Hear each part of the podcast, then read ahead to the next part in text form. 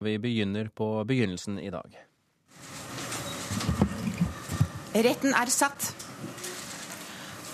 Oslo tingrett skal behandle sak med den offentlige påtalemyndighet mot Anders Behring Breivik. Påtalemyndigheten er Klokken ni i dag eh, tidlig startet altså rettssaken mot gjerningsmannen etter terrorangrepene 22.07. Både selve rettssaken og mediedekningen av den har historiske dimensjoner. Allerede fra tidlig i morges var både norske og internasjonale medier godt i gang med sine direktesendinger fra tinghuset i Oslo. Mange har fulgt de ulike nyhetssendingene, nettsidene og artiklene gjennom dagen, og flere har fått sterke inntrykk. Det var litt sjokkerende nesten å se hvor kald og rolig og komfortabel i situasjonen han var. Det du har sett og hørt på nyhetene i dag, hva, hva, tenker du om det? Det er spennende å høre på, men det er veldig man tar det veldig inn på seg også. Hva er det du så for noe? Jeg så starten på når de leste opp uh, ofrene og ja. Du, Vi er egentlig bare ned for å titte og se på om det var så sirkus som alle skulle ha det til. Er det noe som har gjort spesielt inntrykk på deg? Nei, ikke så veldig. Du vet hva han har gjort, så det er bare å ta han i fengsel og så glemme han helt. Jeg syns det er usmakelig hele greia. Hva er det som er feil? Jeg syns han får altfor mye oppmerksomhet. Ja, Gjerne høre hva han har å si. Vite hvorfor og hva han unnskylder seg med, og hva han har sitt til forsvar. Jeg syns det er så synd at altså, han får den oppmerksomheten han vil ha, og det er faktisk ikke rett. Har du sett på nyhetene på TV i dag? Nei, jeg har ikke det. Jeg syns det egentlig er litt eh, skremmende hvordan han er så rolig og nesten litt uh, kvalmt, egentlig. Det var reporter Petter Sommer som hadde satt sammen uh, disse kommentarene her sånn. Agnes Moxnes, kulturkommentator her i NRK. Du har fulgt med på mediedekningen, først og fremst her i Norge, men også i utenlandske medier. Hva er det du har sett? At det har vært veldig mye av det, ikke bare i Norge, men i resten av verden, særlig i Europa, men også i USA. Jeg begynte å liksom klikke meg litt rundt i nitiden i, i dag morges, og da lå det, denne saken på første side i veldig mange medier rundt i Europa. Og veldig mange sendte jo også direkte starten av rettssaken i dag, og mange har også sendt hele dagen, svenske medier blant annet. Hvordan har det vært, synes du? Det har, altså er, man kan, sånn Rent mediemessig så må man vel si at dette har vært en historisk dag. Så vidt jeg vet så har dette ikke skjedd i Norge tidligere, at hele innledningsforedraget til aktor er blitt direktesendt. Startet klokken ni, var ferdig nå før, like før klokken fire. Etterpå så skjedde også noe helt spesielt, at det ble holdt en pressekonferanse. Og det skal jo tydeligvis da partene gjøre i etterkant av forhandlingene fra den ene dagen til den andre. Så så i møte mellom norske medier og norsk eh, juss, så er det, er det, absolutt noe nytt som skjer i disse dager. Du skal være med oss mer etter hvert, Agnes Moxnes. Vi skal ta en liten tur verden rundt, og vi begynner i, i England. Gry Blekastad Almås i London. Hvordan har denne saken preget nyhetsbildet hos deg? I veldig stor grad, vil jeg si. Det er som Moxnes sier, at denne eh, rettssaken er blitt sendt direkte på de store nyhetskanalene på TV her gjennom hele dagen. Eh, nettavisene, Britiske nettaviser er fulle av, eh, av, denne saken. Og også i flere av de store papiravisene hadde de stoff om dette på morgenen i dag. Også i form av kommentarartikler, ikke bare rene referat. så dette er jo en sak som absolutt har preget det britiske nyhetsbildet, vil jeg si, i dag. Hvor store dimensjoner har, har denne saken i britiske medier? Nei, det er jo, uh, som jeg nevner, noe som uh, de fleste avisene hadde med seg på morgenen i dag, uh, også før rettssaken var i gang. og så har alle nettavisene da fulgt opp gjennom dagen i dag med å referere fra, fra rettssaken. Og når, når TV-kanalene da velger å kjøre direkte fra rettssalen gjennom hele dagen, og har mange reportere på plass i Oslo også for å referere fra dette, så sier det seg sjøl at dette er, dette er ganske store dimensjoner, egentlig. Det dekkes også litt annerledes, selv om man da ser for så vidt det samme fra rettssalen. Så har jeg registrert at enkelte steder hvor NRK fjerner lyden fra, fra opplesningene av hva som skjedde med de forskjellige ofrene, så er det blitt kjørt fullt ut i, i britiske TV-kanaler. Vi så bl.a. her i Norge, for, for, de av oss som hadde Sky News, så kjørte de bilder av de, eh, de drepte samtidig som det ble fortalt eh, hvordan de ble drept. Mm, og Det gjør jo veldig sterkt inntrykk. ikke sant? Og De har også laget store grafiske kart på nettsidene sine som viser hva som skjedde hvor, osv. Er britene opptatt av andre ting enn det vi nordmenn er opptatt av? Eh, nei, det er de samme tingene egentlig. I dag har de fokusert selvfølgelig på dette at han påberoper seg selvforsvar, eh, og også hvordan han tilsynelatende ikke har følelser. Eh, I hvert fall viser han lite følelser når de ugjerningene han har begått, beskrives. Og det er spørsmålet om tilregnelighet som det vies en del oppmerksomhet her. Europakorrespondent Hege Moe Eriksen, du er med oss fra Brussel nå. Hvordan er interessen i de resterende europeiske land eh, utenom Storbritannia? Jeg vil si Det er en helt enorm interesse rundt denne saken eh, her i Europa. Hele kontinentet har fulgt Norges traume siden i fjor, føler jeg. Og ikke minst som korrespondent så blir jeg veldig ofte spurt om uh, hvordan det går med Norge og nordmenn, og, og, hvordan vi forholder oss til rettssaken. Så det viser at det er en, eh, en svært stor interesse, og det, det følges, saken følges veldig tett. Det er bildet bilde av Breivik og hans høyreekstreme hilsen som pryder leder nettaviser både i Frankrike, i Spania og Italia. I uh, storavisen Le Monde har uh, rettssaken vært toppsaken helt siden i går. Korrespondenten deres uh, sitter i Oslo og tvitrer live fra rettssaken. I den spanske storavisen El Pais så har man grafikker som viser hele det detaljerte handlingsforløpet både i regjeringskvartalet og på nøye med i denne saken. Og Breivik er jo blitt et navn som man kjenner over hele Europa nå. Er det noen medier som peker seg ut i noen spesielle retninger? Eh, nei, ja, du kan si Det er jo en eh, veldig stor interesse overalt. Eh, men det er en del medier som også benytter sjansen til å skrive om Norge. Og ikke minst så er det denne undringen over at dette kunne skje i lykkelandet Norge, som det, de skriver. Le Monde f.eks. skriver om den eksemplariske rollen som statsminister Stoltenberg inntok da han omfavnet hele nasjonen med sin, sin varme og sine tårer, som de skriver, og ba da Norge om å besvare hatet med mer demokrati. Dette er noe som har gjort inntrykk, og som det fortsatt skrives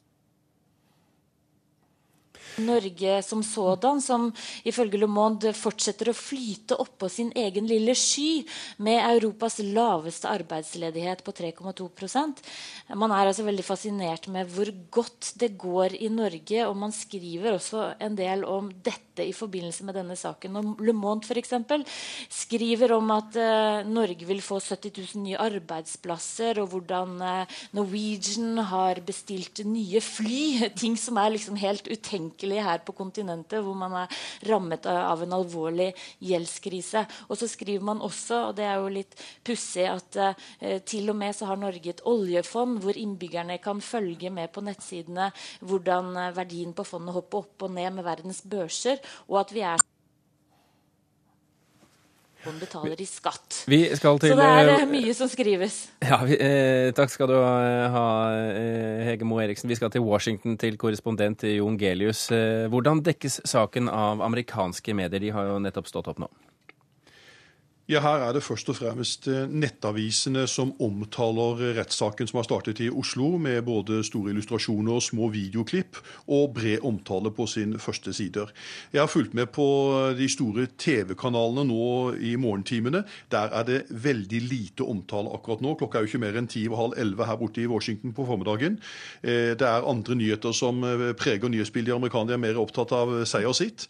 Det er for øvrig også i dag femårsdagen for Virginia Tech Tech-massakren på dette universitetet der 33 studenter ble, ble, drept. og Det blir også omtalt i media, men det er ingen som kobler det til rettssaken som har startet i Norge.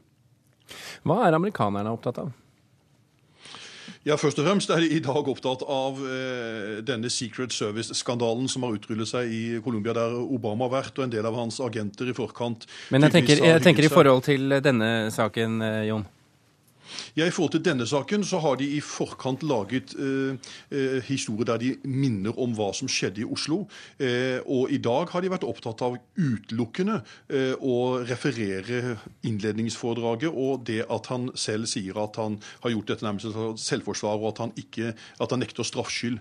Så det er et mer eller mindre rettsreferat, slik vi også kjenner igjen fra de norske medienes dekning, som eh, angår Breivik-saken i dag.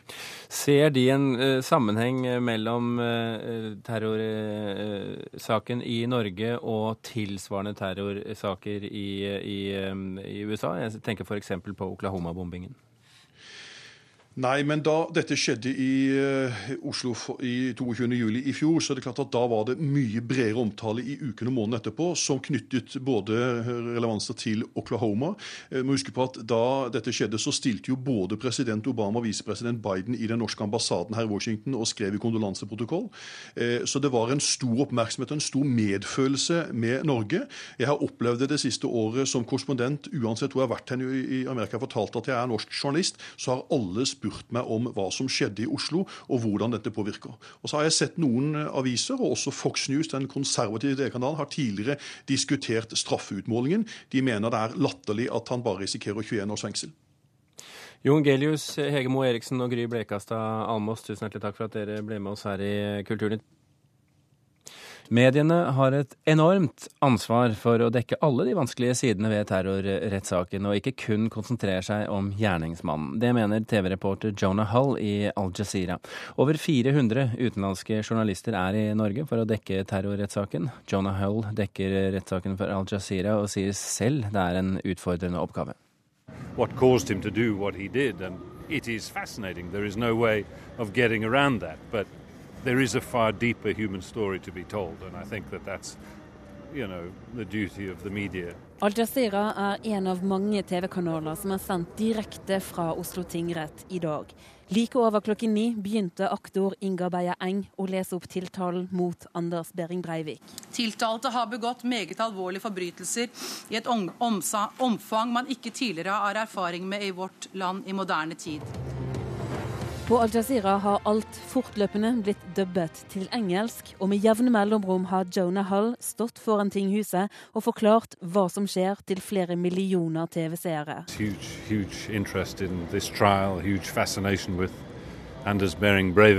Han sier at interessen for saken er stor.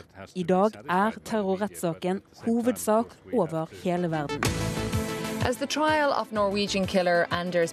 Buenos días. Empieza el juicio contra Anders Breivik por la masacre del verano pasado en Oslo.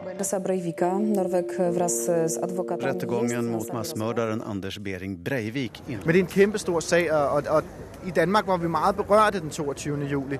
Altså, der var også en meget trist stemning i ugerne efter. Utenfor Oslo tinghus vrimler det av reportere og fotografer.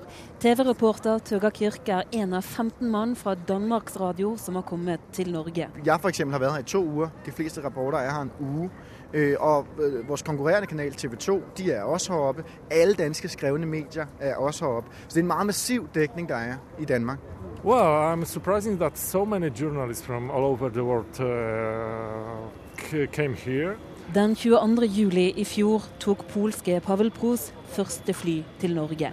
Nå er TV-reporteren i TVP Info tilbake i Oslo, og han synes det er viktig å rapportere hjem om følelsene og atmosfæren i Norge. To, to, to show the picture of the emotions of, of this trial, to, to, to describe the atmosphere of these days in Oslo. Forrige uke sa to av tre nordmenn at de er lei av å høre om terrorangrepet og terrorrettssaken etter 22.07.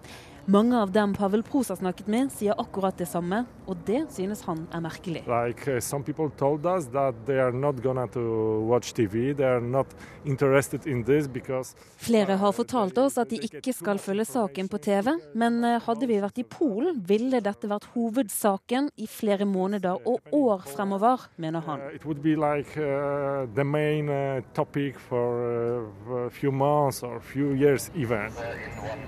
Ja, de kunde, det känns ju lite grann som att det kunde varit hos oss. Så nära är ju länderna. Karin Mannberg fra Sveriges Televisjon har vært i Norge flere ganger for å dekke terrorsaken. Så det blir ju mycket mer känslosamt og mye starkare og, og mye mer personlig og privat enn hva det normalt blir når man skal klare av å være profesjonell. Hun har delte følelser om å være en del av et så stort presseoppbud. Eh, man får jo forutsette at alle er her og, og og tar det på samme, samme alvor som man selv gjør. Samtidig så blir man jo litt redd for det her å være med i en mediesirkus som mange nordmenn man prater med sier. Og man er, legger stor vikt hele tiden på å få rett proporsjoner på det man gjør, og å formulere seg rett, og at, at hele tiden ha i åtanke de handlinger det gjelder. Og, og, at det ikke blir noen form av jippo eller noe, noe sånt, utan at, at, at vise hensyn og respekt.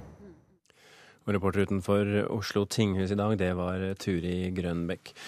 Kulturkommentator Agnes Moxnes, er det stor forskjell, syns du, på hvordan norske og utenlandske medier dekker denne saken? De skiller seg av på ett eh, punkt eh, i særdeleshet, og det er jo de som satt og så på TV i dag og hørt på radio, og de har jo sett at, eh, eller hørt at når aktor har beskrevet hva som skjedde i detalj med de som ble drept av Anders Behring Breivik, så har lyden blitt borte, så vi har ikke hørt det. Det er det veldig mange av de utenlandske TV-stasjonene som ikke har gjort, og det kan man egentlig godt forstå, fordi at den lyden blir tatt bort i Norge pga. de pårørende og de etterlatte. At det ikke skal være ekstra sårende i denne beskrivelsen av det som skjedde.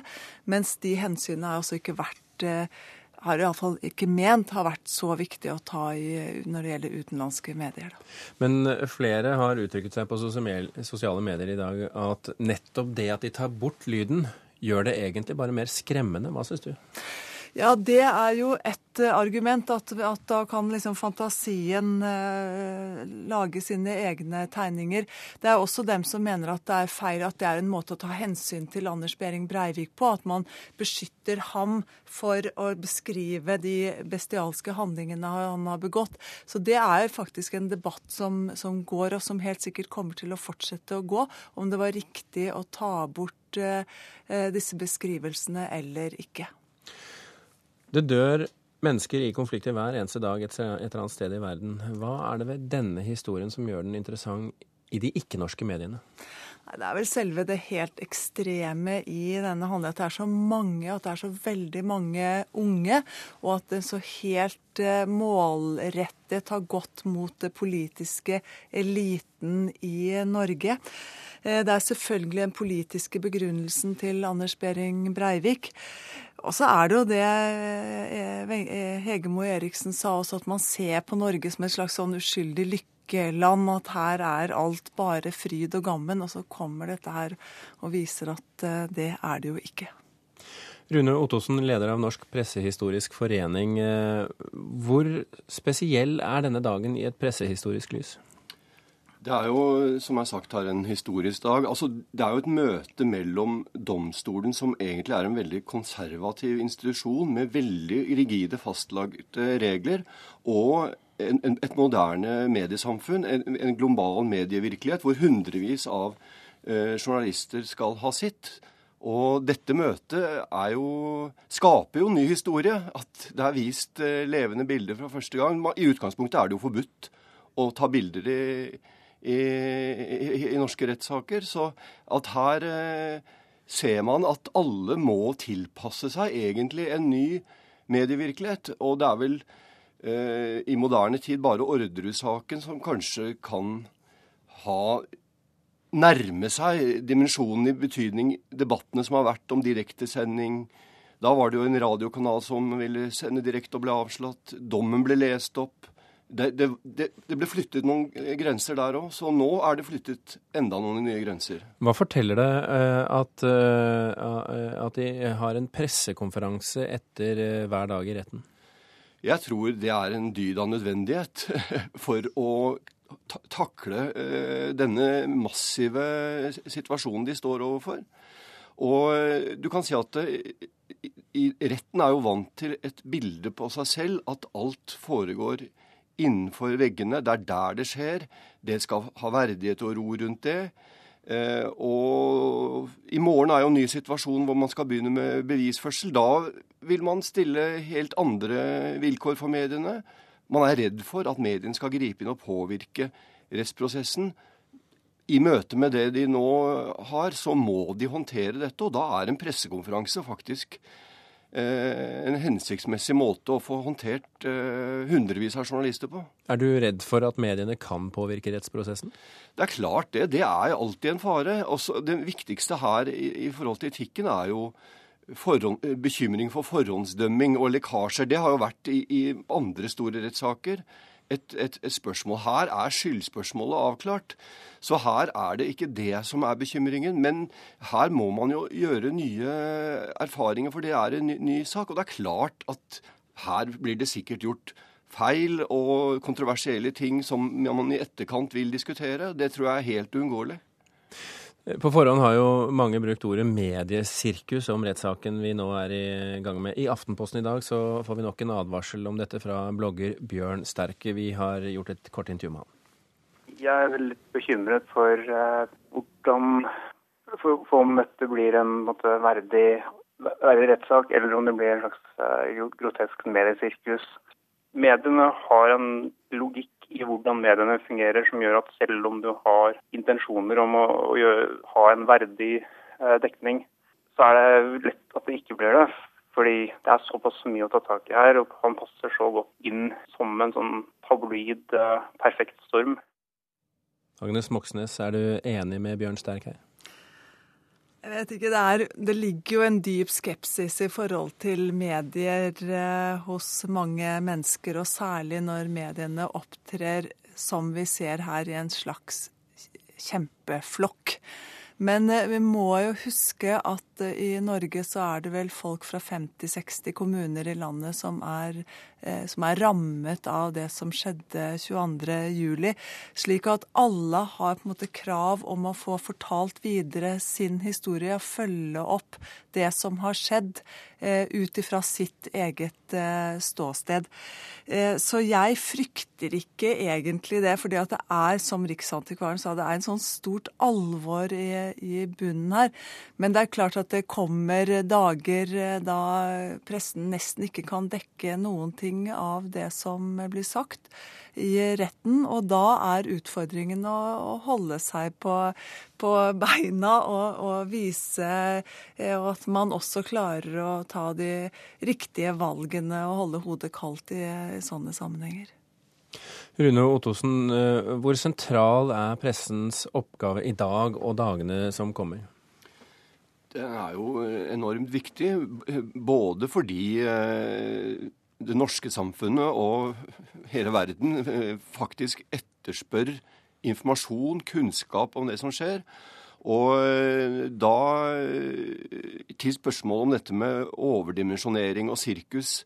Altså man har alltid muligheten til å skru av og melde seg ut av det. Men hvis mediene ikke hadde gitt dem den muligheten, og enten delta i dette ikke, så da skulle man jo sett et ramaskrik, da.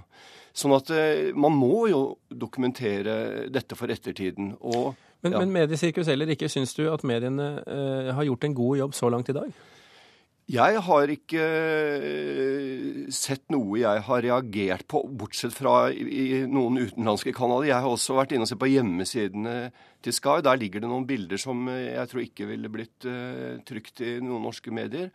I, Norge har vi jo den situasjonen at vi har konsensus i bransjen om grunnleggende etisk spørsmål. Og Da er det jo ganske oppsiktsvekkende internasjonalt det som skjedde i Kulturnytt i morges, hvor alle de store mediene egentlig er enige om hvor grensen går, og uh, opptrer kollektivt rundt det. Så kan du si at uh, det har også sine svakheter, at det er et, et system som mediene helt og holdent Eh, håndterer selv, og at det bare er derfor brudd på Vær varsom-plakaten som er den etiske normen. Man kan jo tenke seg at man opptrer uetisk uten å bryte Vær varsom-plakaten òg. Og det vil vi sikkert eh, få diskusjonstemaer rundt selve rettsdekningen også. Agnes Moxnes, slik denne rettssaken startet i dag, hvordan peker den frem mot dekningen de neste ti ukene? Jeg er helt sikker på at det kommer dager da folk krever å få lov til å ta tilbake hverdagene sine, eh, og at interessen ikke kommer til å bli så altoppslukende som den har vært nå. Men Geir Lippestad eh, han sa jo i forrige uke at vi vet ikke hva vi har i vente når det gjelder Anders Behring Breiviks forklaring. Og det er klart at når Geir Lippestad sier det, så kommer vi til å sitte ved radio- og TV-apparatene og ved nettstedene og følge med på avhøret av nettopp Anders Behring Breivik. Det er jeg helt sikker på. Men hverdager kommer det til å bli, heldigvis. Og det er altså de neste fem dagene hvor han skal eh, forklare seg. Agnes Moxnes og Rune Ottosen, tusen hjertelig takk for at dere kom til Kulturnytt.